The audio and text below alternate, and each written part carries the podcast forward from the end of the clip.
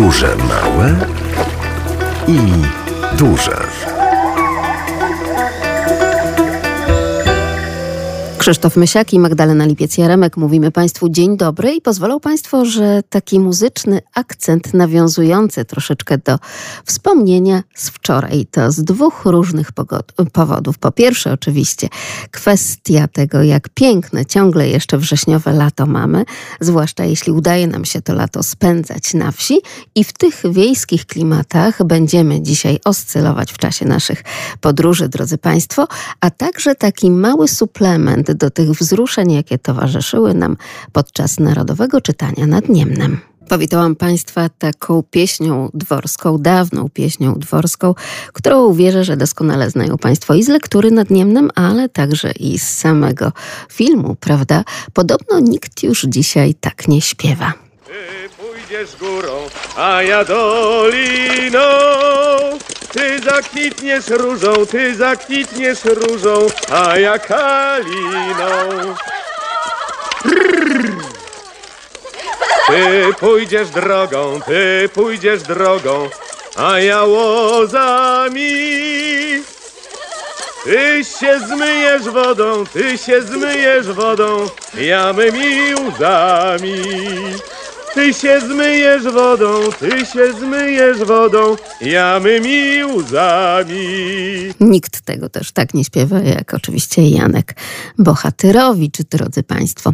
To jeszcze takie wspomnienie Narodowego Czytania, chociaż wiemy, że ten weekend z Narodowym Czytaniem to nie tylko sobota, także dzisiaj w wielu punktach e, w całym naszym regionie można sięgnąć jeszcze po tę wyjątkową lekturę, czyli nad Niemnem. I zanim pójdziemy tą drogą, górą, doliną i tak dalej, generalnie wiejskimi szlakami, a będziemy, drodzy Państwo, na Polesiu, chociażby w chacie u prawdziwego Poleszuka, to jednak odwiedźmy Lublin i troszeczkę historii spróbujmy sobie przyswoić. Muszę Państwu powiedzieć, że absolutny Polesia czar właśnie teraz mogą Państwo zasmakować. Tak jak ja zasmakowałam wraz z ogromem turystów wczoraj podczas kolejnego, bo już czwartego lubelskiego spotkania z przyrodą, pożegnanie żurawi w Polskim Parku Narodowym. No i wiadomo, że Polski Park Narodowy, wiadomo, że poleska przyroda do tych tematów przyrodniczych i tematów związanych z żurawiami Oczywiście będziemy powracać w naszym leśnym wędrowaniu, natomiast tutaj w czasie podróży małych i dużych zasmakujemy troszeczkę kultury poleskiej, a także tego, co Państwu poza przyrodą oczywiście tego regionu ma do zaoferowania sam Poleski Park Narodowy, bo będziemy w Poleskim Siole. To jest taka tradycyjna zagroda poleska, ośrodek edukacyjny w Poleskim Parku Narodowym właśnie. Drodzy Państwo, i tak było wczoraj podczas tego liczenia żurawi, ale muszę Państwu powiedzieć, że wieczór z tym klangorem żurawi wracających gdzieś na to zlotowisko po żerowaniu i liczenie tych żurawi to naprawdę naprawdę było coś przepięknego. Państwo dzisiaj też jeszcze ciągle mają szansę. Co więcej, mają Państwo szansę na takie przyrodnicze spotkania podobno aż do końca września. Kto wie, czy nie do połowy października, bo w tym roku żurawiom się wcale nie spieszy, żeby opuszczać Poleski Park Narodowy. No ale dobrze, przyroda przyrodą. Ja zachęcam, bo dzisiaj także ta niesamowita przyroda i przygoda poleska podczas drugiego dnia, czyli w niedzielę. Już teraz mszą świętą w parafii Chrystusa Miłosiernego w Urszulinie rozpoczyna się. Później mamy piknik ekologiczny od 13.30 aż do późnych godzin wieczornych, do 20.00 występy zespołów artystycznych. Być może będzie szansa także spotkać te zespoły, e, które my wczoraj mieliśmy okazję zobaczyć i posmakować tego wszystkiego, co panie z tych zespołów śpiewaczych i z kół gospodyń wiejskich mają do zaproponowania. To są atrakcje na dziś, a my powracamy do tego, co było wczoraj, bo naprawdę bardzo, bardzo dużo ciekawych rzeczy się działo działo i powracamy do Poleskiego Sioła. To był jeden z punktów, e, taki punkt specjalnie przygotowany dla tych, którzy chcą połączyć przyrodę, ale także znajomość kultury poleskiej właśnie w Poleskim Parku Narodowym. W zagrodzie u Poleszuka, czyli w Poleskim Siole, ośrodek edukacyjny Polskiego Parku Narodowego, Poleskie Sioło, to wytyczno 156. Proszę, proszę sobie koniecznie ten adres zapamiętać, bo przecież dzisiaj także można tam pojechać pojechać. W zagrodzie u Poleszuka zwiedzanie Polskiego Sioła z przewodnikiem, a naszym przewodnikiem jest pan Tadeusz Roczniak, który bardzo gorąco wszystkich witał. Serdecznie w Polskim Siole Polskiego Parku Narodowego ośrodek edukacyjny. No i będziemy się edukować. Panie z zespołu Swańki, tak dobrze mówię, y, wytłumaczą nam pewnie, co oznacza to słowo, skąd ta nazwa. Będą nas uczyć robienia masła, pieczenia podpłomyków, yy, jakichś piosenek pewnie też, prawda? Także no, może panie y, przedstawią się i powiedzą coś o swoim zespole. Skąd przyjechałyście i w ogóle. Mamy dwie godziny, także jak zechcecie słuchać dwie godziny, to my dwie godziny będziemy opowiadać. Swańki z wyryk. Swańki to jest to, to słowo, które jest absolutnie wyróżniające i nas jako grupę, ale też po lesie, tak? Bo swańki to słowo znane tylko i wyłącznie na Polesiu. W takim razie zwracamy się oczywiście do naszych radiosłuchaczy z Polesia. Proszę nam spróbować wyjaśnić, zanim zrobią to same panie z zespołu, cóż takiego oznacza ta nazwa Swańki. 801 50 10 22, także 81 743 7383. Czy to trudna nazwa i czy z czymś nam się w ogóle kojarzy? Swańki z wyryk. Swańki to jest to, to słowo, które jest absolutnie wyróżniające i nas jako grupę, ale też po lesie, tak? Bo swańki to słowo znane tylko i wyłącznie na Polesiu. Czy Państwo wiedzą, cóż takiego oznacza to słowo swańki? Podróże małpka radiolublin.pl. Proszę także do nas pisać. Można również obrazkowo spróbować odpowiedzieć, bo jeśli chodzi o odpowiedź na to pytanie, to tutaj obrazek też jak najbardziej jest ilustracją z odpowiedzią prawidłową. I tak oto, drodzy Państwo, z owymi swańkami z wyryk udało nam się spotkać w zagrodzie u Poleszuka i tam robić ze i przyśpiewkami warsztaty z wyrobu masła oraz podpłomyków, masło z maselnicy, a jakże, ale żeby było masło, no to na początek musi być śmietana. I to wcale w XXI wieku nie jest takie oczywiste, czy uda się zebrać nie dość, że odpowiednią śmietanę, to jeszcze do tego odpowiednią ilość śmietany do zrobienia masła. Nawet na wsi tej śmietany prawdziwej, swojskiej okazuje się, że brakuje. Z tymi pannami na wsi to tak jak z tą śmietaną, trudno ją zdobyć. Nieliczne.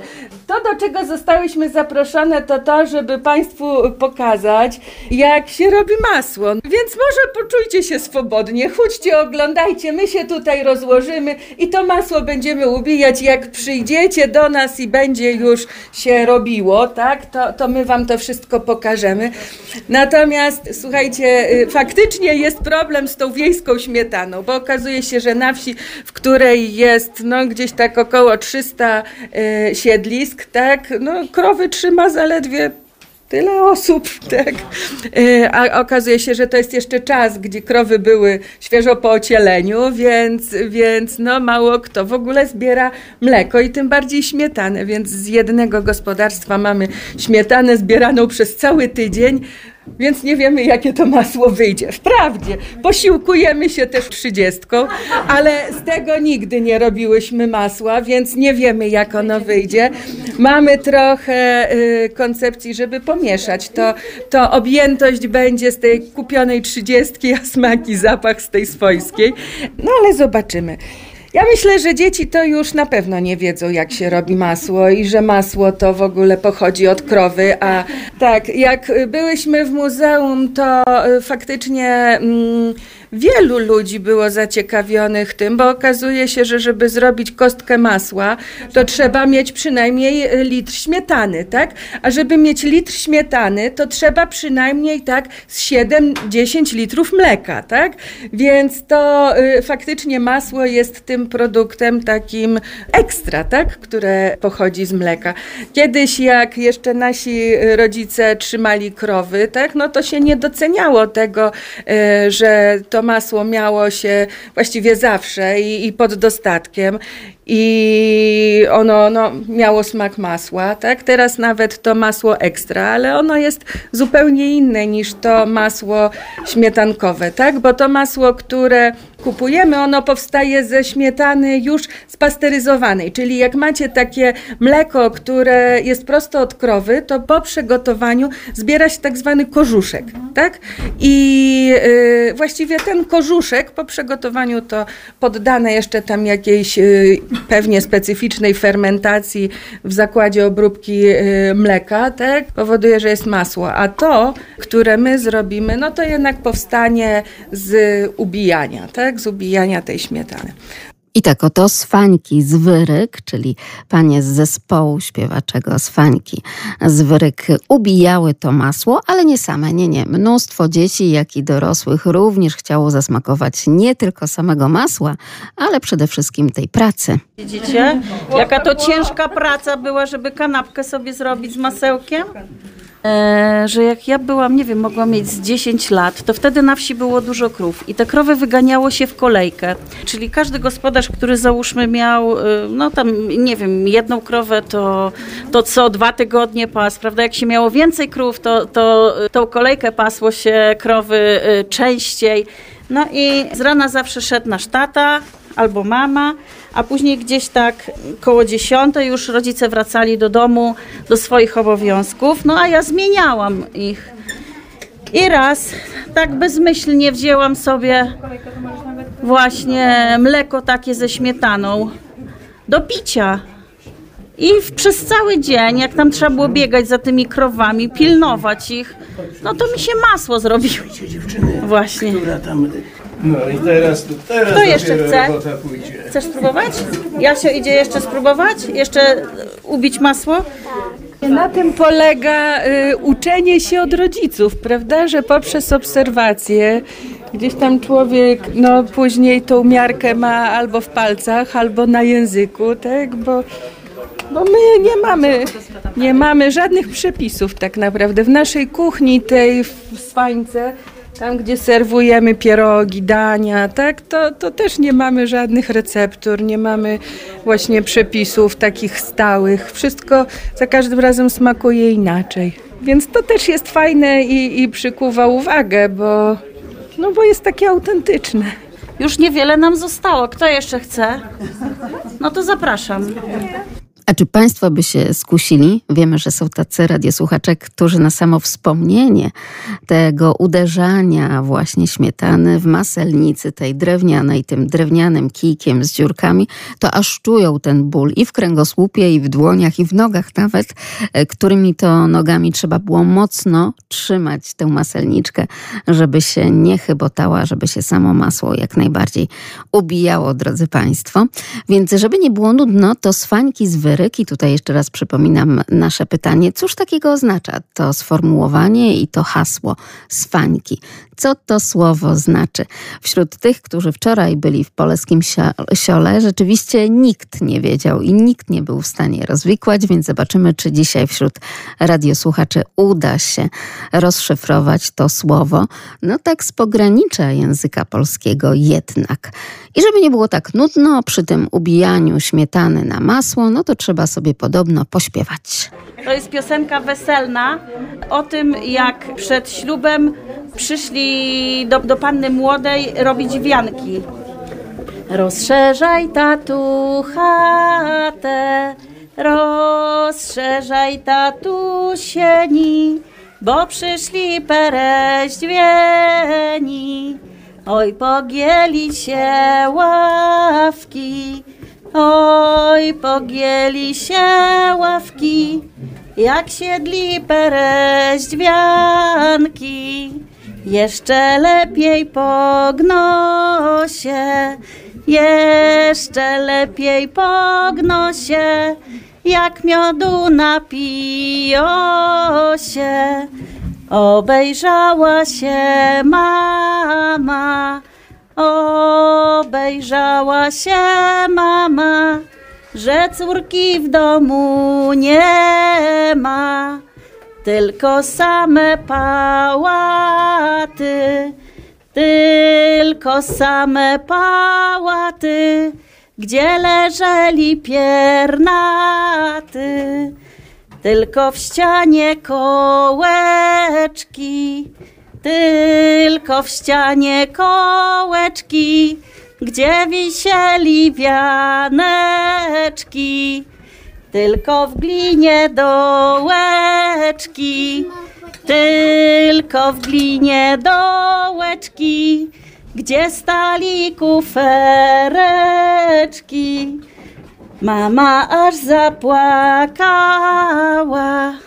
mama aż zapłakała, córkę za mąż wydała.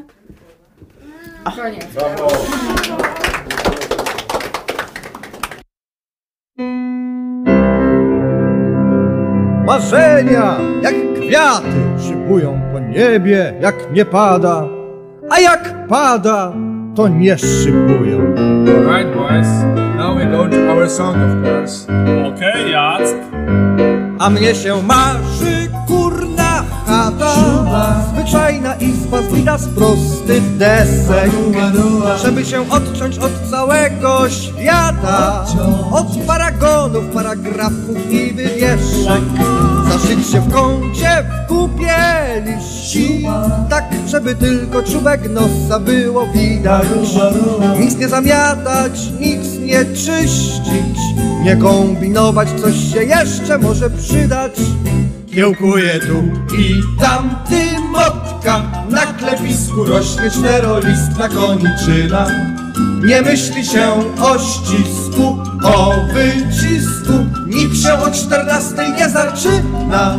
Zwolna grubieją ci paluszki i wolno rosną kędzierzawej brody pukle. Niszczeją zgrzebne brzuszki, a tobie nie żal nadziewanych pączków z lukrem. A mnie się marzy kurna chata i trzaskające w kurnym piecu smolne pieńki i dochodzący głos kolegów. Pójdźmy wszyscy do stajen. Gdzieś tam prezydent zbiegł w szlafroku, gdzieś tam przyjęli jako wskaźnik stopę zysku.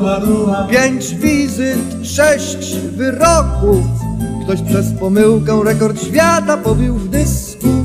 A tu Tymotka wprost z podłogi strzela w niebo i lwie paszcze rosną dziwnie. I sercu drogiej nie masz tu załogi. Tutaj możesz się nie liczyć z nikiem, a z kichem budzi się leśnych ptaszą duet. Więc się przeciągasz, a stwierdziwszy sanie w dołku, przyswajasz razową bułę i zaraz lżej ci na tym ziemskim łez padołku. A mnie się marzy kurna chata. Jemu się marzy kurna chata. Czy wam się marzy kurna chata? Bez adresu.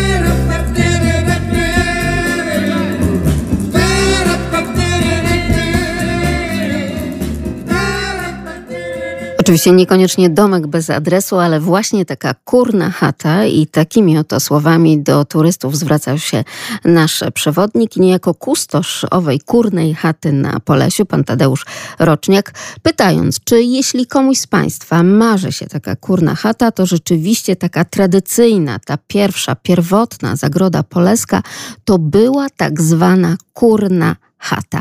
A kim są swańki? Swańki z wyryk, swańki to jest to, to słowo, które jest absolutnie wyróżniające i nas jako grupę, ale też Polesie, tak? Bo swańki to słowo znane tylko i wyłącznie na Polesiu. Ale czy na pewno pani Marzena ma coś do powiedzenia na ten temat? Dzień dobry. Dzień dobry. Pytamy o te swańki. Proszę spróbować nam to tutaj rozszyfrować. Yy, Fańka to jest takie słowo teściowa dla teściowej. Zgadzam się, że to jest znane na Polesiu, ale również na Podlasiu. Także tak jak wspomniała pani redaktor, pola, Polesie z Podlasiem no przeplatają się, graniczą Tak, to prawda. sobą. Oczywiście, więc jak najbardziej ten tryb wędrowny, czyli wędrowania od wsi do wsi i zbierania różnego rodzaju słów, ale nie tylko, na przykład wzorów na perebory, o czym też jeszcze będziemy mówić w tej naszej poleskiej chacie, czyli w poleskim siole, w Poleskim Parku Narodowym. Jak najbardziej to wszystko się tutaj e, przenika i z siebie wynika po prostu. Ma pani rację, ma to związek na pewno z kobietą. Rzeczywiście być może te korelacje, czyli teściowa dla teściowej, to też jest owa swańka, ale nie tylko, bo tutaj wyryczanki, czyli kobiety z wyryk, panie z tego zespołu śpiewaczego, ale także kultywującego wszelkiego rodzaju tradycje, nie tylko śpiewacze, ale i kulinarne i wszystkie inne polskie tradycje, powiedzą coś więcej. I zachęcam panią, pani Marzenko, do wsłuchania się oczywiście w te rzeczy, ale jeszcze zanim to, to koniecznie muszę zapytać, e, to jakby pani postawiła? Podlasie czy Polesie? Który rejon piękniejszy, ciekawszy, inny? No jestem jednakowoż związana i z jednym i z drugim. Na Podlasiu się urodziłam. Y, Większość życia mieszkam już y, na Lubelszczyźnie. Nie wiem, po połowie. Tak jest. Jeszcze tutaj ktoś z naszych radiosłuchaczy dopisuje na podróże małpka.radiolublin.pl pan Dominik, że jeszcze do tego dodajmy roztocze i wszystko inne i tak, Tak. naprawdę mamy całą Lubelszczyznę. Tutaj nie robimy żadnej hierarchizacji, tak? Kto na pierwszym, kto na drugim, kto na Nie, trzecim nie. miejscu. Warto być i tu, i tu, a dla żurawi oczywiście teraz jak najbardziej na Polesiu. Wszystkiego dobrego. Dziękuję bardzo pani Marzenko. I Dziękuję wsłuchujemy się, dziękuję, do usłyszenia. I wsłuchujemy się oczywiście, kim są owe swańki. To jest po pierwsze Swańka, to jest dziewczyna, młoda kobieta, panna na wydaniu, taka w wieku 16-17 lat, idealna kandydatka na żonę, wszechstronnie uzdolniona po prostu do wzięcia. A drugie y, znaczenie słowa Swańki to jest rodzaj pieśni. Te pieśni też w różnych regionach Polski są różnie nazywane, a u nas na Polesiu właśnie to są swańki, czyli pieśni śpiewane od półpostu do Wielkiego Czwartku. I też są to pieśni takie wesołe, skoczne, specyficzne jak dla postu, tak? No bo post srogi, wstrzemięźliwy, a w pieśniach od półpostu jak coś się przełamywało, tak? To, to śpiewano swańki, które były właśnie wesołe, skoczne, często o tematyce miłosnej. Pieśni znane jako pieśni młodych panien i kawalerów przywołujących się, tak? Bo później w okresie Wielkanocy następował czas swatania. Wobec tego przed tym swataniem swańki, tak? To jako te pieśni zalotne. Swańki to, tak jak wspomniałam, rodzaj pieśni i one też są w naszym repertuarze zespołu śpiewaczego. Są to pieśni, które mają takie charakterystyczne zwroty, charakterystyczne refreny, charakterystyczne powtórzenia. Ciekawe. Może zaśpiewamy? No co, przywitajmy brawami. Nasze panie Swańce. Najbardziej znana Swańka i właściwie taki hymn naszego zespołu to jest pieśń pod tytułem Zaświeć miesiączku, która mówi o tym, żeby księżyc świecił dziewczynom, tak? Najlepiej tym naszym dziewczynom, bo nasze, czyli wyrykowskie są najlepsze, a te sąsiednie to są złe, bo, bo zwodzą chłopaków, tak? Poją ich taką gorzałką niekoniecznie dobrze działająą, a właśnie te, te spańki wyrykowskie to są takie dobre dziewczyny, więc nie zanudzimy.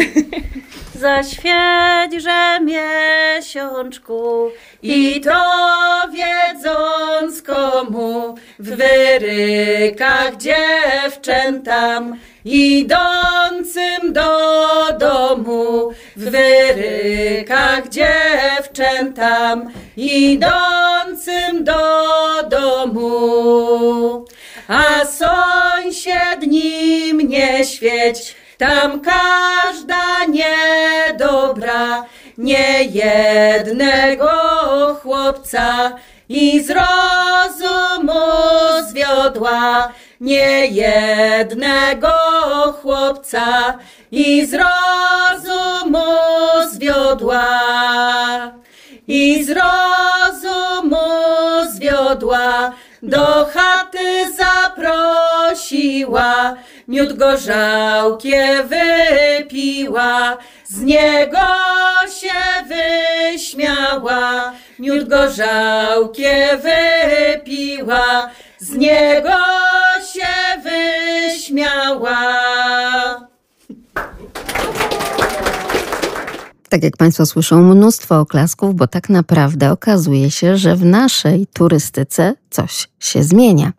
To już nie są tylko i wyłącznie podróże małe i duże, gdzieś tam hen, hen dalekie wyloty, imprezy lotnicze za granicę, ale okazuje się, że warto zapukać tuż za płot, chociażby do Poleskiego Sioła, czyli tradycyjnej Zagrody Poleskiej Ośrodka Edukacyjnego Poleskiego Parku Narodowego i tam takie tłumy turystów wczoraj udało nam się spotkać. Ciekawa jestem, jak będzie dziś, jeżeli ktoś z Państwa wybiera się na to kolejne liczenie żurawi i także na spotkania w Polskim Siole, jak i w Muzeum Polskiego Parku Narodowego, to oczywiście też jak najbardziej zachęcamy i zapraszamy. To były Swańki z Wyryk. Jeszcze z paniami się będziemy spotykać, bo przecież to masło ciągle, proszę mi wierzyć, tam się jakby ubija. Panie powiedziały, że mamy na to dwie godziny. To tak jak nasz program Podróże Małe i Duże. Zobaczymy, czy w tym czasie się wyrobimy. Jak to dawniej bywało? Pytają często oczywiście turyści, ci młodsi ci starsi i dlatego taka tradycyjna Zagroda Poleska to nowy ośrodek edukacyjny Polskiego Parku Narodowego. To jest ośrodek edukacyjny Polskiego Parku Narodowego. Coś na wzór skansenu, coś na wzór muzeum, aczkolwiek zupełnie inne funkcje. Budynek, jak widać, jest nowo wybudowany. Trzeci rok funkcjonujemy w tym miejscu, natomiast eksponaty, no to jest okres taki międzywojenny tuż po wojnie, zgromadzony od okolicznych mieszkańców. W ciągu dwóch, trzech tygodni udało nam się większość zgromadzić. To jest kuchnia. Do izby to pójdziemy później. Dzisiejsza nazwa to salon. Natomiast kuchnia, no najfajniejsze miejsce. Do tej pory, no nieraz ktoś tam ma willę, 10 pokoi, a wszyscy w kuchni. No bo najprzytulniej. W kuchni gotuje się jedzenie, rozchodzą się zapachy. Mamy tutaj piec chlebowy, w którym gospodyni piekła chleb raz w tygodniu i nadawał się do zjedzenia. A jak dobrze żyła z sąsiadką, to raz na dwa tygodnie, bo się wymieniały. Natomiast tu kuchnia już, jak pani widzi, jest ogień się pali w niej, bo będziemy dzisiaj pod pumyki. Piec. Właśnie gorąca. Pogrzebacz jest? Kuchnia węglowa, ale również można opalać drewnem. My oczywiście opalamy drewnem, chociaż Bogdanka nie jest daleko. Piec chlebowy, bardzo fajne urządzenie też było sztuką piec cokolwiek. Dlaczego? Bo piec chlebowy trzeba nagrzać do odpowiedniej temperatury. Gospodyni, każda miała swoją ulubioną cegłę. Jak ta cegła zmieniała kolor, to chyba już y, wystarczająco nagrzany ten piec. Natomiast taka mniej wprawna gospodyni po prostu brała do rączki mąkę, wrzucała do środka. Jeżeli mąka w atmosferze się spalała, to znaczy, że już temperatura jest odpowiednia. No i wtedy trzeba było wygarnąć popiół, węgielki, no po prostu, żeby chleb nie pachniał dymem. Zresztą tutaj turyści często żartują, że jest to płyta indukcyjna typ fajerkowej. Oczywiście to jest dobry żart, ten bardzo, ale to bardzo współczesny, drodzy Państwo, czyli płyta indukcyjna, typ fajerkowy. No i ten pogrzebacz gdzieś tam też słychać, choć muszę powiedzieć, że wczoraj nauczyłam się zupełnie innego, nowego określenia, takiego określenia poleskiego na ów pogrzebacz, ale o tym w kolejnej części naszej audycji. Tak to jest z tym polskim siołem, że już coraz większa liczba turystów, zwłaszcza tych zmierzających na Pojezierze Łańczyńsko-Włodawskie, już poznała to miejsce. I tutaj można poznawać właśnie dawną kulturę, zwyczaje pradziadów żyjących na Polesiu, bo obok siebie mieszkali tu Polacy, Białorusini, Ukraińcy, a także ludność niemiecka i oczywiście żydowska. I to oni wszyscy wspólnie tworzyli taki poleski lud i zostawili nam ślady tej bytności na Polesiu. I to wszystko poznajemy. Poznajemy także poprzez zgromadzone, tak jak powiedział nasz przewodnik, pan Tadeusz Tadeusz Roczniak, kustosz niejako właśnie tego Poleskiego Osioła i edukator Poleskiego Parku Narodowego, to tam właśnie widać wszystkie te różnorakie sprzęty i z tych sprzętów można bardzo wiele wyczytać. Niecka, najbardziej chyba uniwersalne naczynie w domu. W takim razie do czego taka niecka mogła służyć? I czy Państwo w ogóle wiedzą, pamiętają, cóż to takiego jest niecka? 801 50 10 22, a także podróże małpka radiolublin.pl. Niecka, najbardziej chyba uniwersalne naczynie w domu. I tak oto pytamy Państwa, czy właśnie w tym poleskim siole, czy gdziekolwiek indziej w domku na wsi jeszcze jest coś takiego jak niecka? Niecka, najbardziej chyba uniwersalne naczynie w domu. I tak jak mówi nasz przewodnik, kustosz i edukator z Polskiego Parku Narodowego, pan Tadeusz Roczniak, jeśli chodzi o tę nieckę, to jest to tak bardzo uniwersalne urządzenie i sprzęt kuchenny, domowy, wiejski, że służył do bardzo wielu rzeczy. No to ja państwa pytam, do czego tak naprawdę służyła, bądź służy komuś jeszcze dzisiaj niecka? 801 50 10 22. Podróże małe i duże. Nie mogłam sobie odmówić, aby także specjalnie dla Państwa, dla naszych radiosłuchaczy, a są tacy, którzy również prosili o ten utwór w takim, a nie innym wykonaniu, wybrzmiał w czasie tej audycji o Polesiu. Polesia Czar i Czesław Niemen. Pośród łąk, lasów i wód toni w ciągłej, pustej życia pogoni żyje posępny lud. A wśród tego posępnego ludu jedna z przedstawicielek, tak zwana gwiaździcha, przedstawicielek tego pokolenia poleszuczek, które podobno już odchodzi w zapomnienie, ale są tacy, którzy próbują jeszcze celebrować te wszystkie wyjątkowe tradycje. Gwiaździcha to naprawdę może być pomysł nawet na bohaterkę powieści, na bohaterkę serialu. Podlasie doczekało się swojego kruka z szeptuchą, z pewnością Państwo kojarzą, a być może Polesie Lubelskie będzie miało swoją gwiaździchę. Pożyjemy, zobaczymy. My jesteśmy dzisiaj w Poleskim Siole, bo wczoraj właśnie fizycznie z mikrofonem tam byliśmy, czyli tradycyjna Zagroda Poleska, ośrodek edukacyjny w Poleskim Parku Narodowym. A Poleskie Sioło to zwarta zabudowa siedliskowa z budynkiem mieszkalnym, okulnikiem, ze stodołą, spichlerzem i pomieszczeniem dla zwierząt. Ten pomysł powstał y, już kilka lat temu, bo w tym miejscu była osada. Tu mieszkała pani Czubacka, zwana przez miejscowych Gwiaździchą. Ona mieszkała samotnie, bo wszyscy powymierali, bez elektryczności, nawet nie miała studni. Wodę nosiła wiadrami z durnego bagna. No i sobie tak żyła, no ale ta samotność też troszeczkę na psychikę padła. No po śmierci, jak to w życiu bywa, znaleźli się spadkobiercy. No i summa summarum park na zasadzie prawa pierwokupu wykupił wszystko to, z tym, że no budynki nie bardzo nadawały się już do czegokolwiek. Także trzeba było od nowa postawić coś takiego. No miejsce naprawdę klimatyczne.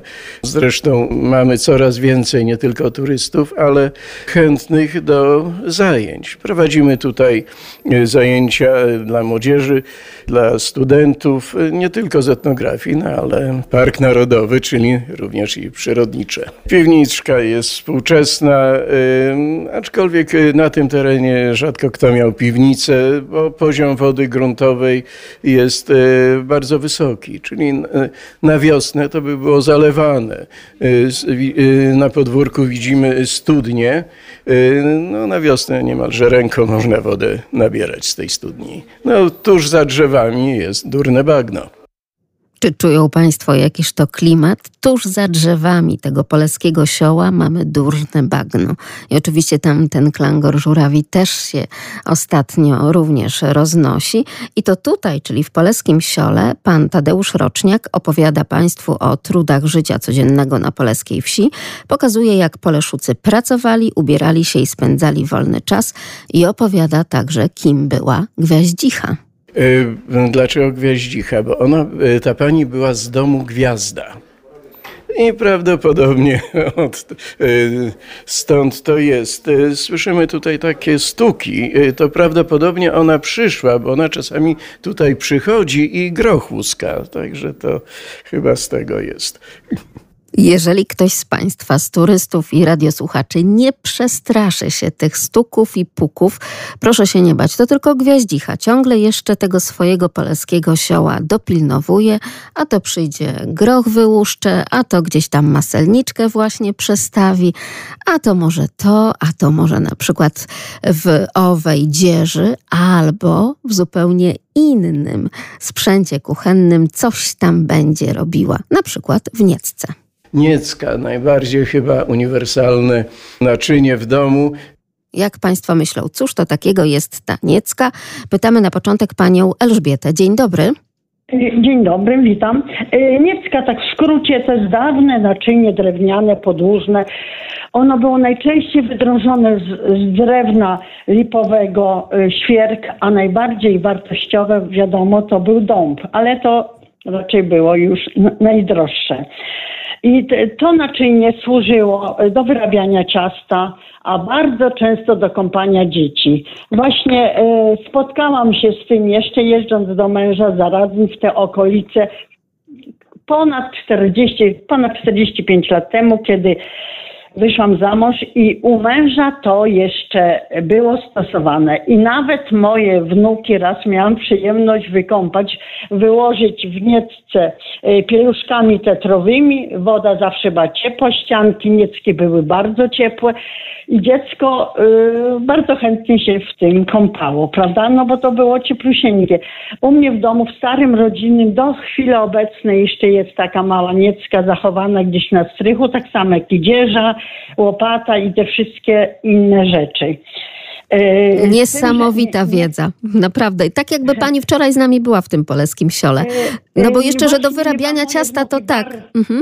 To wszyscy wiedzieli? Bardzo często jeżdżą. Bardzo. I ja y, wiele lat mieszkałam na Opolszczyźnie, choć stąd pochodzę, wróciliśmy i właśnie odkrywamy na nowo to Roztocze, bo roz, Roztocze, w ogóle Lubelszczyzna to była moja E, wiadomo, szkoła średnia, wszystkie obozy, rajdy wędrowne. E, schodziłam na piechotkę i teraz po 40 latach z mężem właśnie już kursujemy samochodem. Natomiast wnuki, wiadomo, rower, y, samochód, rowery do samochodu i te ścieżki wszystkie edukacyjne i tego. A to o tych y, Niecka i to wszystko, no to jest mi to bliskie, bo jeszcze dzieża, mama, ile, 10 lat temu jak żyła, jeszcze jest zachowany piec chlebowy, ale smaku chleba nie zapomnę do końca życia. To jakie były, tak samo ciasta drożdżowe. Ciasto drożdżowe wyrobione w takiej niecce, to się niesamowicie różniło.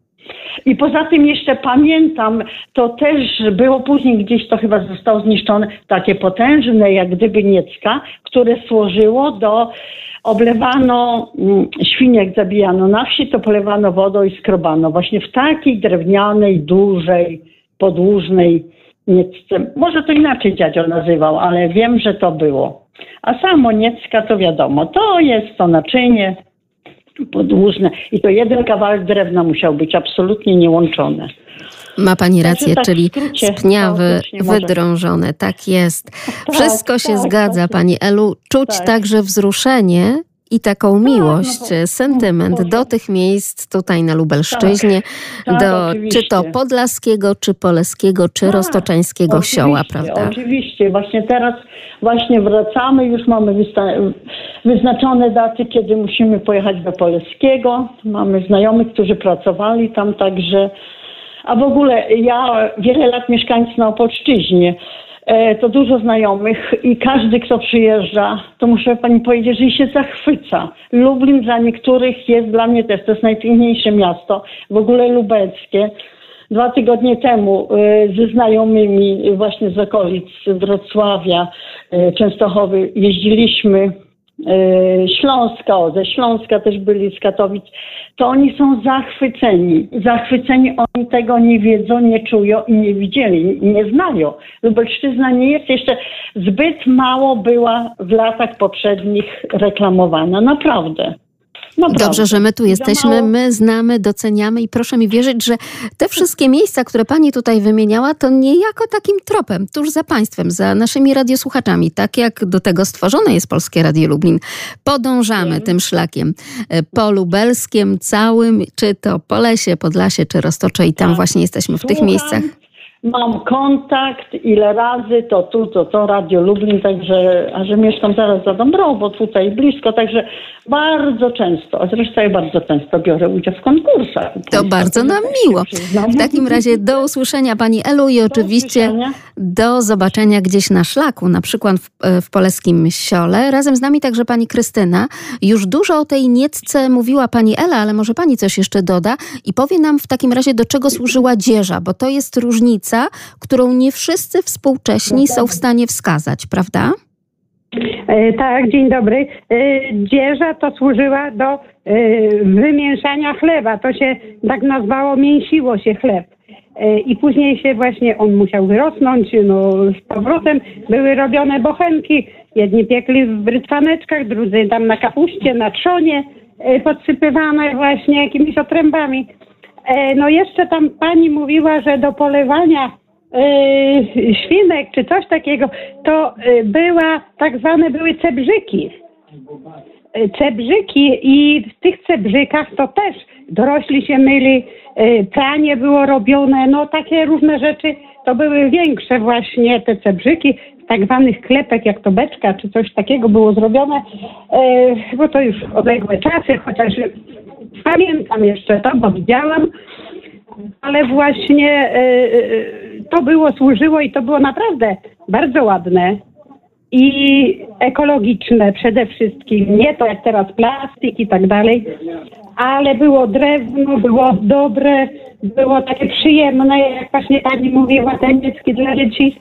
No i to właśnie większe niecki dla kompania dziecka małego. To A prawda. mniejsze, no to robiło się ciasto, kluczki, no wszystko, bo ja jeszcze dobrze pamiętam, jak babcia robiła właśnie to ciasto, te kluski, e, nawet wałkowała w tej niecce, w tym podłużnym, e, w tej podłużnej części miała taki wałek mniejszy i wałkowała. No może nie było tak aż idealnie, ale, ale było dobrze. No grunt to spryt tak naprawdę. Tak. Inaczej, ale trzeba umieć właśnie to zrobić.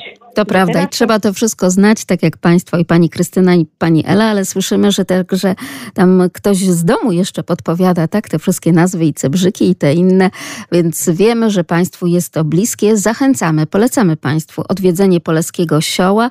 To oczywiście ośrodek edukacyjny w Polskim Parku Narodowym. Tam te wspomnienia powrócą i będą mogli Państwo namacalnie przyjrzeć się temu wszystkiemu. Bo w Niecce rozczyniało się ciasto, kąpało się dzieci, zmywało się, przechowywało różne rzeczy. Z tym, że niektórzy mówią, że tu ciasto rosło na chleb, na przykład w Niecce. Nie? Ciasto na chleb rosło y, w dzieży. Proszę zauważyć, że ta dzieża ma pod kątem y, ścianki. Dlaczego? Jak ciasto rosło, napotykało opór. Łatwiej było upilnować. Natomiast z Niecki, no to szybko by uciekło. A te wszystkie sprzęty oczywiście znajdziemy w kuchni Poleskiego Sioła, czyli w chacie prawdziwego Poleszuka. W kuchni koncentrowało się życie, bo izba to jest wymysł dwudziestowieczny. Natomiast poleska chałupa była dosyć specyficzna, bo jeszcze nawet y, w okresie po tak zwanym wyzwoleniu tutaj spotykało się kurenie. Co to takiego jest? To cztery ściany pochylone i cała chałupa. Później, no ale to już jest wiek XVIII, koniec XVIII, XIX, te cztery pochylone ściany przykrywano dwuspadowym dachem. Było palenisko y, na środku, Coś w rodzaju kurnej chaty. Pamiętam, rodzice opowiadali, że po wojnie jeszcze tutaj spotykały się takie, spotykało się takie tego typu domostwa. Ale no to dawne dzieje, troszeczkę bliższe. To było jedno pomieszczenie. I tutaj ludzie spali, tutaj ludzie gotowali, jedli, stał stół, przeważnie pod oknem. Te czasy, gdzie jedzono z jednej miski, no to już to są dawne czasy, ale w wielu domach był niski, duży taboret. Nie do siedzenia. Jak Państwo myślą w takim razie, do czego służył taki niski, duży taborec, skoro nie służył do siedzenia? Drewniany oczywiście i w kuchni. On stał 801 50 10 22, także 81 743 7383 i oczywiście, jak zawsze, podróże małpka radiolublin.pl. To są dawne czasy, ale w wielu domach był niski, duży taboret. Nie do siedzenia nie do siedzenia, no to do czego mógł służyć? No trzeba tutaj troszeczkę pomyśleć, trzeba także znać tę kulturę pole szuków oczywiście. Drodzy Państwo, skoro tak już y, prawie, że mm, pora taka wczesnoobiadowa, no to może coś byśmy przekąsili, coś byśmy zjedli w tej kuchni u Poleszuków. Przy kuchni jest gorąco, bo tu jest rzeczywisty, prawdziwy ogień, tak? Więc spróbujemy za chwilę tutaj posmarować płytę. Jest żeliwna płyta, naoliwimy ją trochę i spróbujemy robić podpłomyki. Podpłomyki to też jest Znane chyba naj, najbardziej to określenie jako te placki pieczone na, na blacie, tak? Ale tutaj u nas też na Lubelszczyźnie tym produktem takim bardzo lokalnym, bardzo tradycyjnym są cebularze, tak? Cebularze powstawały też w podobny sposób, wypiekane na, na blacie, tak? Z tą cebulką, która była najpierw y, solona, później gotowana, tak? Trzymana w tej y, wodzie z solą i z makiem po to, żeby miała taką właściwą konsystencję i, i smak.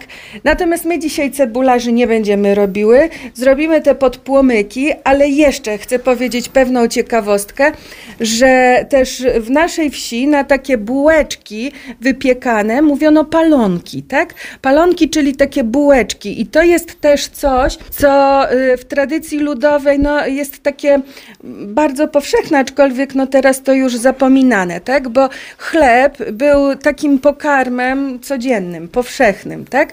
A palonki były, były tym bardzo odświętnym jedzeniem. To były po prostu takie świeże bułeczki, tak?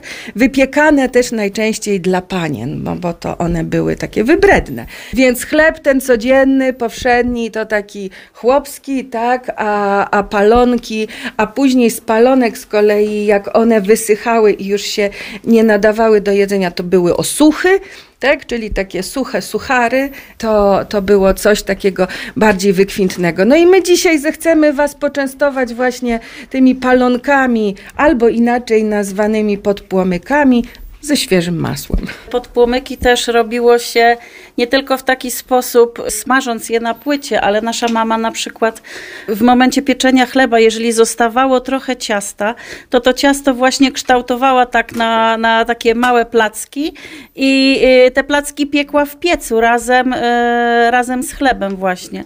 No i taki chleb, jeżeli wsad pieca to były cztery albo sześć, w zależności od wielkości pieca, takich prostokątnych blach, których do tej pory używamy, te metalowe, jak się piekło chleb na jeden raz sześć takich blach, no to taki chleb jadło się w domu dwa tygodnie, nieraz dłużej. Czasami praktykowało się wymianę z sąsiadką, że na przykład jeżeli w jedną sobotę my pieczemy, prawda, sześć bochenków, dajemy trzy sąsiadce, to tam załóżmy za dwa tygodnie bądź wcześniej sąsiadka piecze i oddaje te trzy, żeby po prostu częściej był ten chleb świeży, bo ten chleb przechowywało się w workach lnianych bądź konopnych, dawno, dawno temu. No a później e, w erze zamrażarek to już e, chleb był mrożony. Także po prostu no, ten chleb jadło się długo. Generalnie robiło się je z tego, co zostało tak? Więc, więc jak było ciasto chlebowe, kwaśne, drożdżowe, żytnie, tak? No to one były y, żytnie, tak? Były takie jak chleb. Natomiast my dzisiaj robimy pszenne, drożdżowe, drożdżowe tak, tak. tak. W smaku skojarzenie do placków pizzowych, tak? No bo to jest y, no, mąka, drożdże, woda, tak? Troszkę oleju, soli i to jest ten podstawowy składnik. Ale do chleba dodawało się także drożdże, oprócz zakwasu, bo ten zakwas w ogóle trzymało się w lodówce już nie, już w tych czasach współcześniejszych, prawda? Bo tam dawno, aż tak dawno temu, to, to nie wiem, ale ja już po prostu mówię na... E... Fermentowało tak, na no. zakwasie, tak? Zakwas bierze się stąd, że po prostu trzeba mąkę żytnią zakwasić. Ona, zakwasić, czyli poddać fermentacji. Stania w ciepłym i ona sobie tam buzuje, buzuje, tak? I jak ten, ten chleb zafermentuje, jak to ciasto to zafermentuje, to ono ma bąbelki, tak? I można robić bez drożdży. Wtedy ono po prostu, te bąbelki, te dziurki w chlebie robią się z tej naturalnej fermentacji ciasta i też ten kwaśny smak stąd, tak?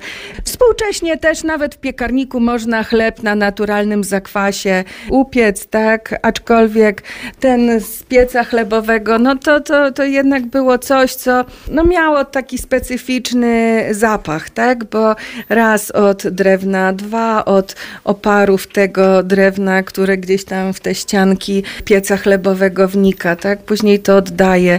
Więc no, my pamiętamy. Jeszcze mamy to szczęście, że, że pamiętamy, jak faktycznie w naturalnych warunkach się w domu przygotowywało ten chleb. Mama go nakrywała pierzynami, tak? Bo ciasto chlebowe nie mogło przemarznąć, bo jak przemarznie, to oklapnie, tak? Więc u nas było tak, że pod pierzyną, gdzieś tam pod kołdrą y, puchatą, tak? To ciasto chlebowe stało, a później czasami zdarzało się tak, że już jak wyleci, to później gdzieś tam jeszcze do ciała się przyklejało, tak? Bo, bo na łóżku pod kołdrą trochę ciasta zostało.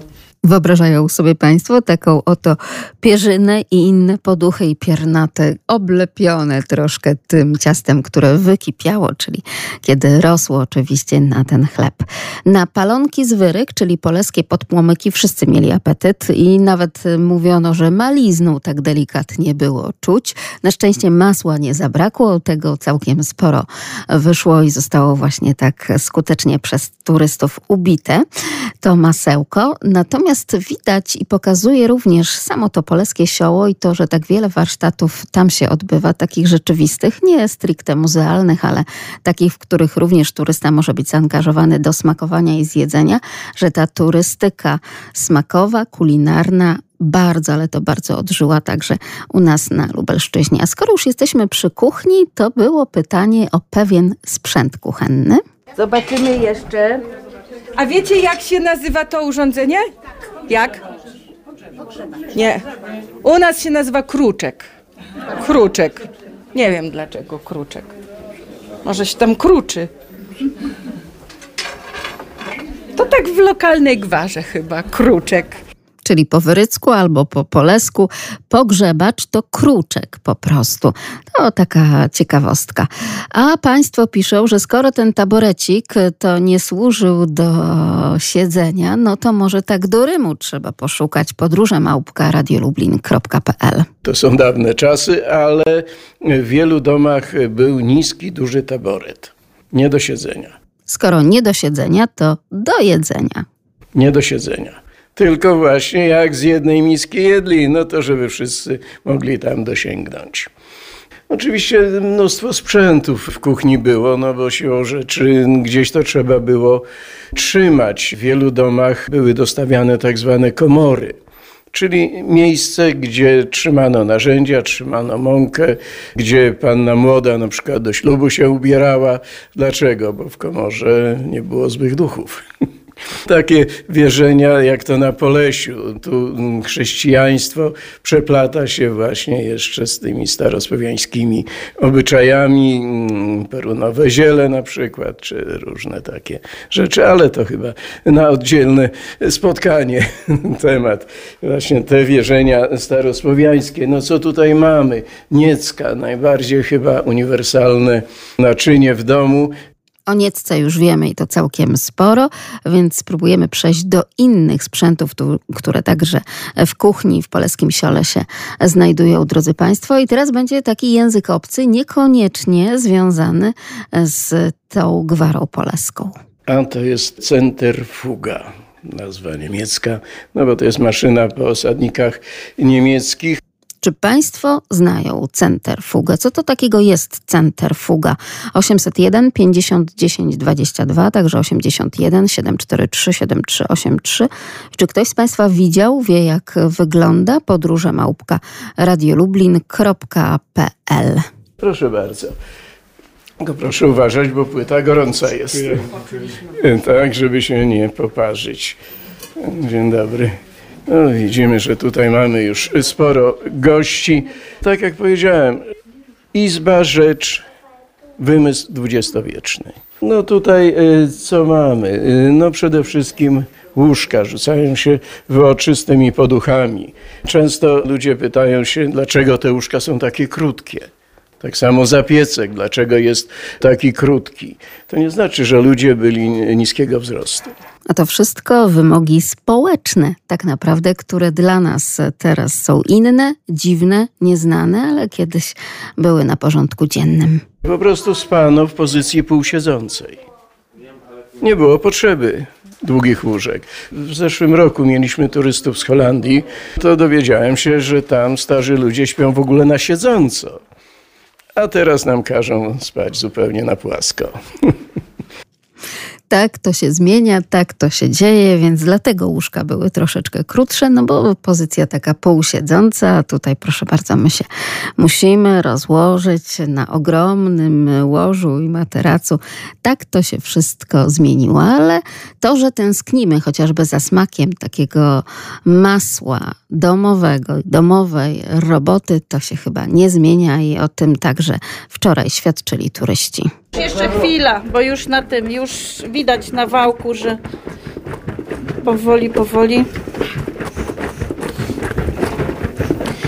Mamy czas, prawda? Prawda, Jasiu?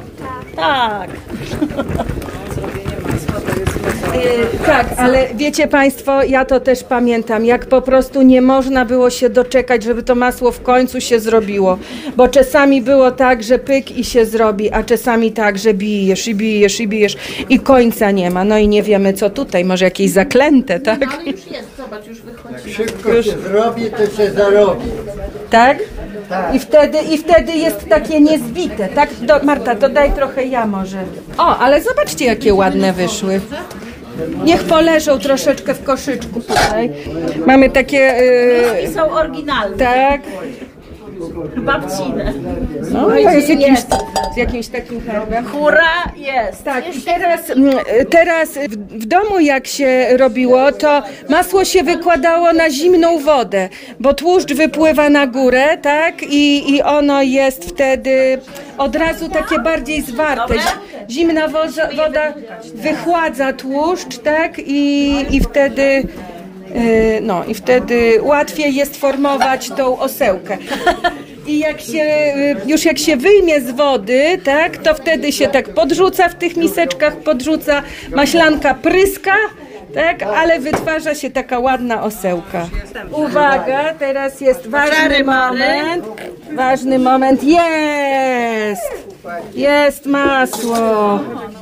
Jest masło. Też jest jeszcze masło. O, mamy dobrą, tłustą śmietanę trzydziestkę. Na, na, wpół, na wpół z swojską. Czyli objętość jest od śmietany trzydziestki, a smak i zapach od swojskiej. Ja poczekam jak ten ostygnie. Poczekaj jak ostygnie, to sobie zjesz z masełkiem, tak? O, całkiem niezła kostka wyszła i teraz zobaczcie, właśnie jakbyśmy to położyli na mm, wodę, tak? Ale też możemy po prostu wydusić. To jeszcze wiesz, żeby się, żeby się ani kropla nie zmarnowała. Nic się nie marnuje, drodzy Państwo. Także te wszystkie, wydawałoby się dzisiaj, produkty uboczne z produkcji owego e, masła. Więc e, tak jak wszyscy turyści kulinarni byli zainteresowani kolejnymi etapami produkcji chleba i pieczenia tego chleba w wiejskiej chacie u Poleszuków, tak też byli zainteresowani kolejnymi etapami produkcji owego masła. A skoro masło, no to coś jeszcze. A wiecie, jak się zrobi masło, to yy, wyjmuje się masło z yy, takiego płynu, który się nazywa, może ktoś wie jak? Mamy w butelkach teraz. Być może to będzie łatwiejsze pytanie niż centerfuga. Jak się nazywa ten produkt, który pozostaje e, po tym, jak już wyjmiemy tę osełkę masła? 801 50 10 22. Panie z z Wyryk podpowiadają, że w butelka na, nawet w supermarketach można teraz kupić. 801 50 10 22, także podróże małpka radiolublin.pl. No proszę, widzę, że już spływają pierwsze odpowiedzi, ale nie, nie, drodzy Państwo, to nie jest kefir. Proszę się zastanowić i przemyśleć tę sprawę. Produkt, który pozostaje po tym, jak już z maselnicy wyjmujemy masło. To cóż to, to takiego może być 801 50 10 22, a także 81 743 7383. Oczywiście jeszcze ta słynna centerfuga także nam gdzieś tutaj pozostała. Być może to tylko w chacie u Poleszuków była i może Państwo nie do końca właśnie wiedzą, ale proszę się zastanowić i postarać. Obrazy. No obrazy wszędzie w całej Polsce takie same są. Dlaczego? To są oleodruki. Podobno była je- jedna fabryka matryc całe, na całą Polskę. One mogły się różnić ramkami, mogły być podkolorowane, ale treść jest taka sama. Dlaczego tyle tych obrazów jest?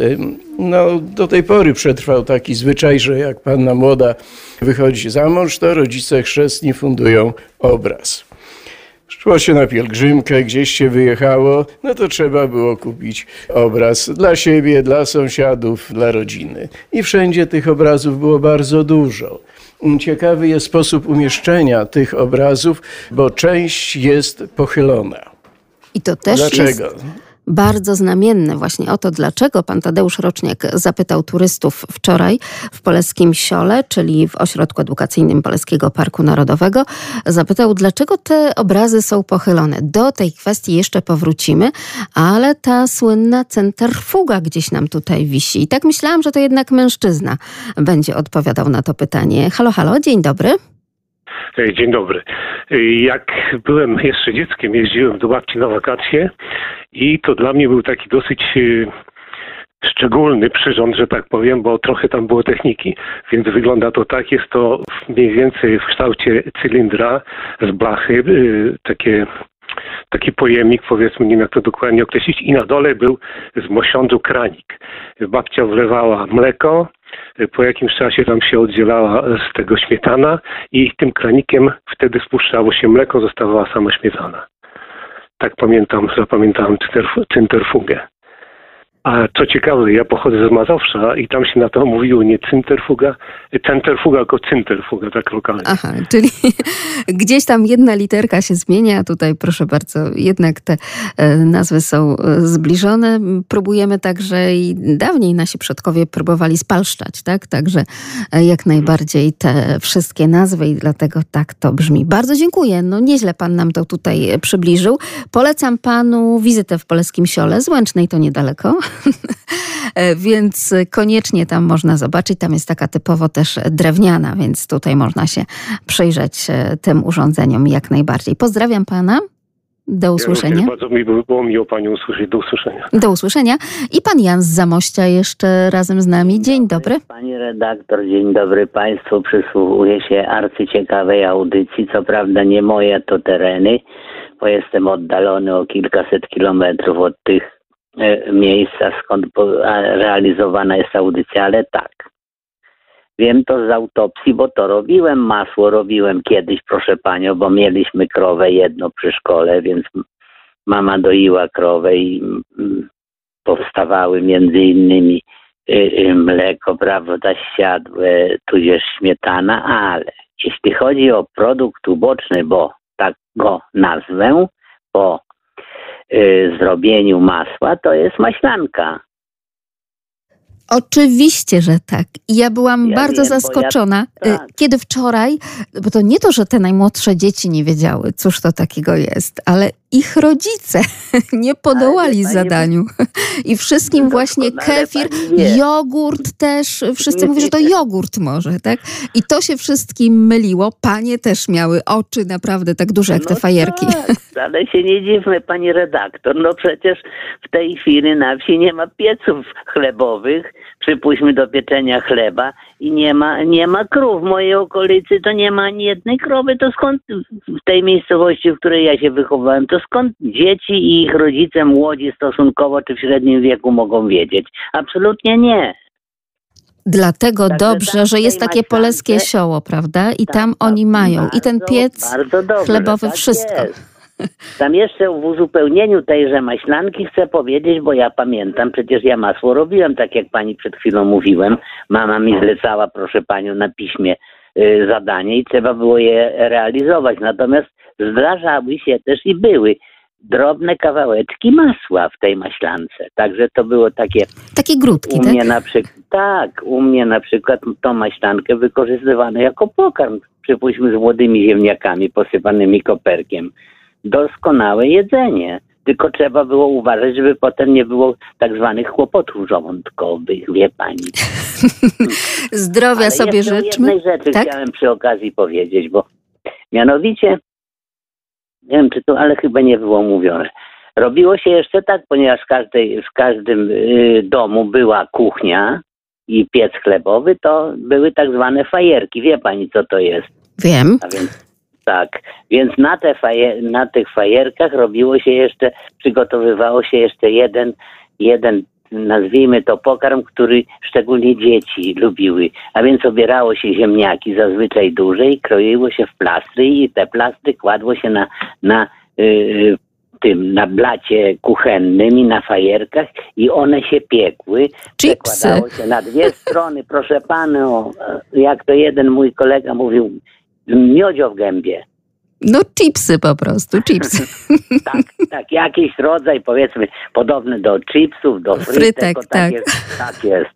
I jeszcze powiem, że na koniec, proszę pani, jak się chodziło do szkoły średniej, to były lata 60., proszę panią, znakomite, znakomite, pod, powtarzam, ja ciągle mówię młodemu pokoleniu i, i takim trochę młodszym ode mnie, y, cebularze były na, na pokaz były robione, proszę panią, dwie piekarnie robiły w Zamościu na Starym Mieście. Piekarnia Bolesława, mm, y, y, jakżeż on się, a w Dułach Ogły to był Turek, proszę panią, Mhm. i drugi był, y, druga była piekarnia pana Baranowskiego. Chrupiące, na trzonie. Gdzie pani znajdzie teraz takiego cebularza? Nie ma, u mnie nie ma tutaj.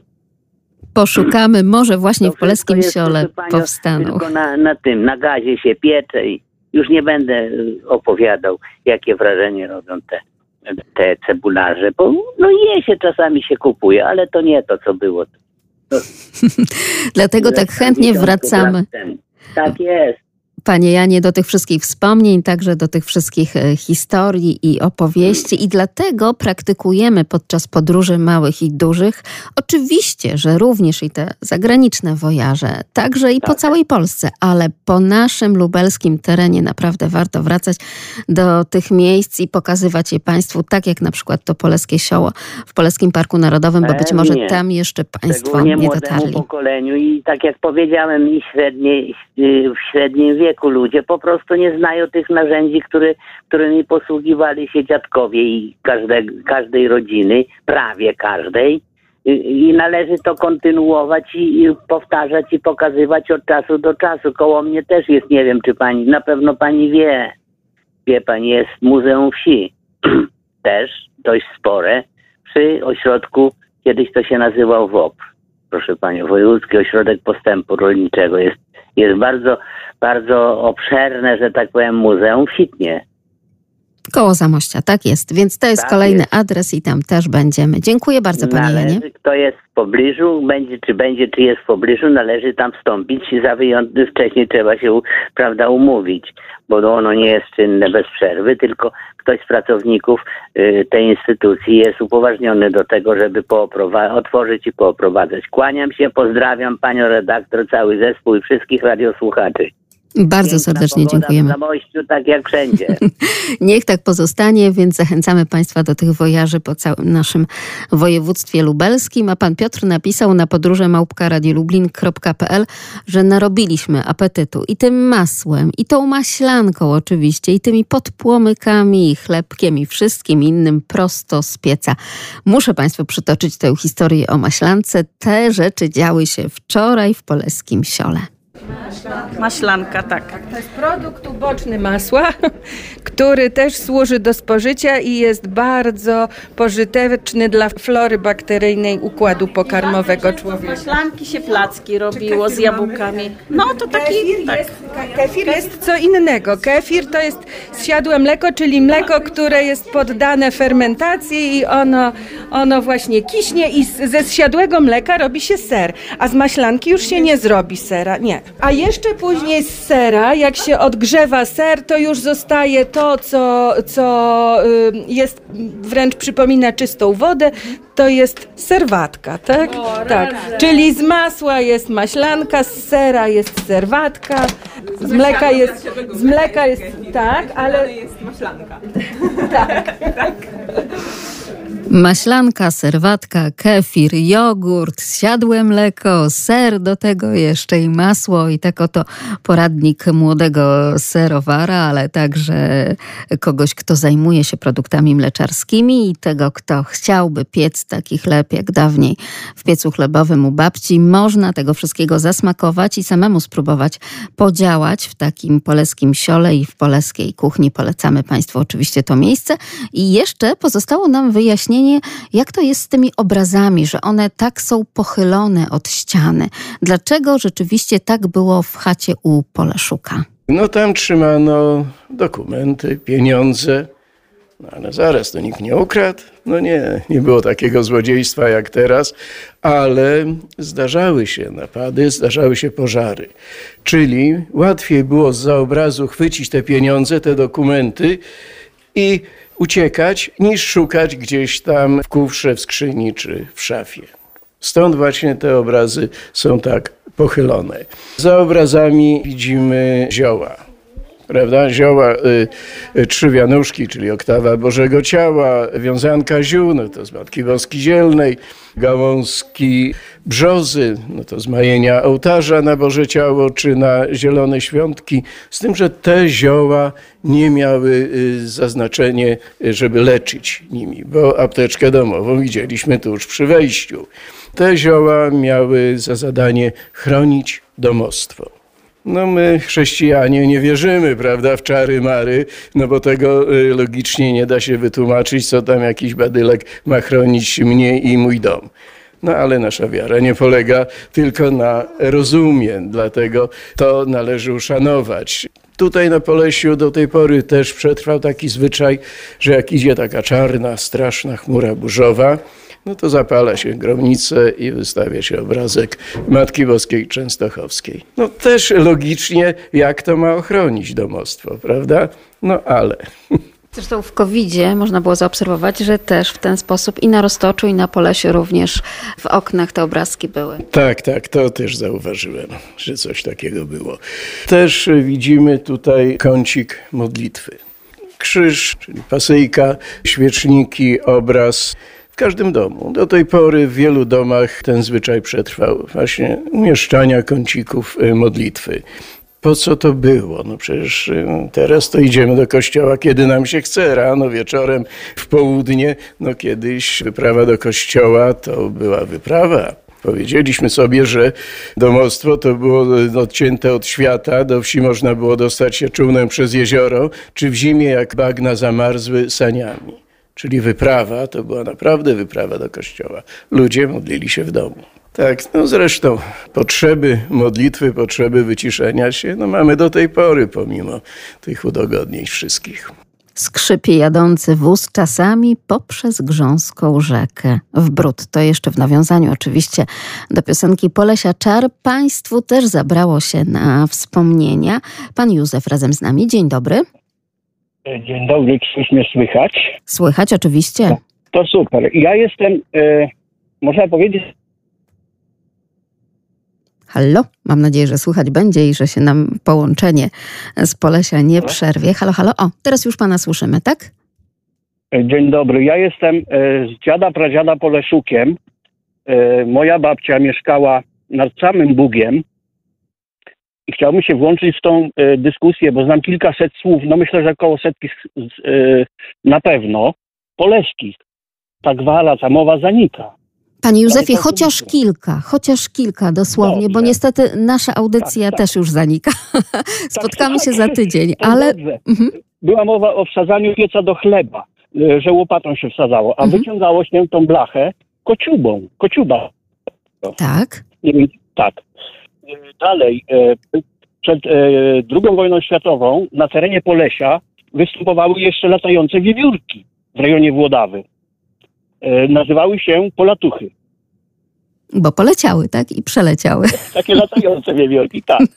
Panie Józefie, ja widzę, że tutaj piękne historie nam się otwierają. Ja z chęcią umówię się z panem i na Polesiu i sobie to wszystko nagramy, zarejestrujemy, przekażemy słuchaczom już za tydzień. A dziś się musimy żegnać. Musimy się żegnać. Dziękuję bardzo. Do usłyszenia.